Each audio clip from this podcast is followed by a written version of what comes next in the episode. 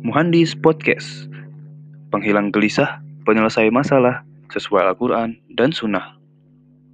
Abul Hasan Al-Ash'ari.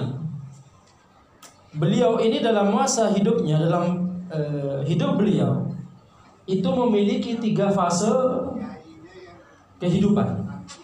Tiga fase akidah.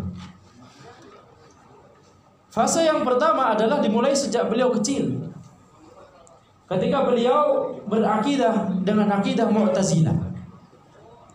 Bagaimana beliau bisa berakidah seperti ini? Itu karena ibu beliau. Ya. Jadi ayah kandung dari Abdul Hasan al Ashari itu adalah seorang ahlu sunnah. Seseorang yang insya Allah akidahnya lurus. Ayah kandung dari Abdul Hasan al Ashari.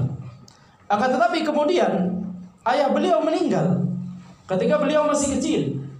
Ayah kandung beliau meninggal ketika beliau masih kecil. Sehingga ibu beliau kemudian menikah dengan Abu Ali Al-Jubbai, seorang pentolan Mu'tazilah. Maka kita lihat bagaimana Abu Hasan Al-Asy'ari selama 40 tahun pertama hidup beliau, beliau berkeyakinan, berakidah Mu'tazilah.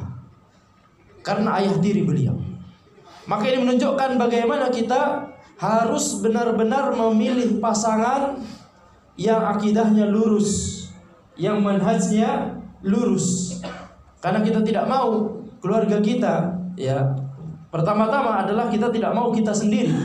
Kemudian keluarga kita seperti anak kita atau cucu kita nanti gitu ya memiliki akidah yang menyimpang gara-gara pasangan kita akidah dan manhajnya menyimpang.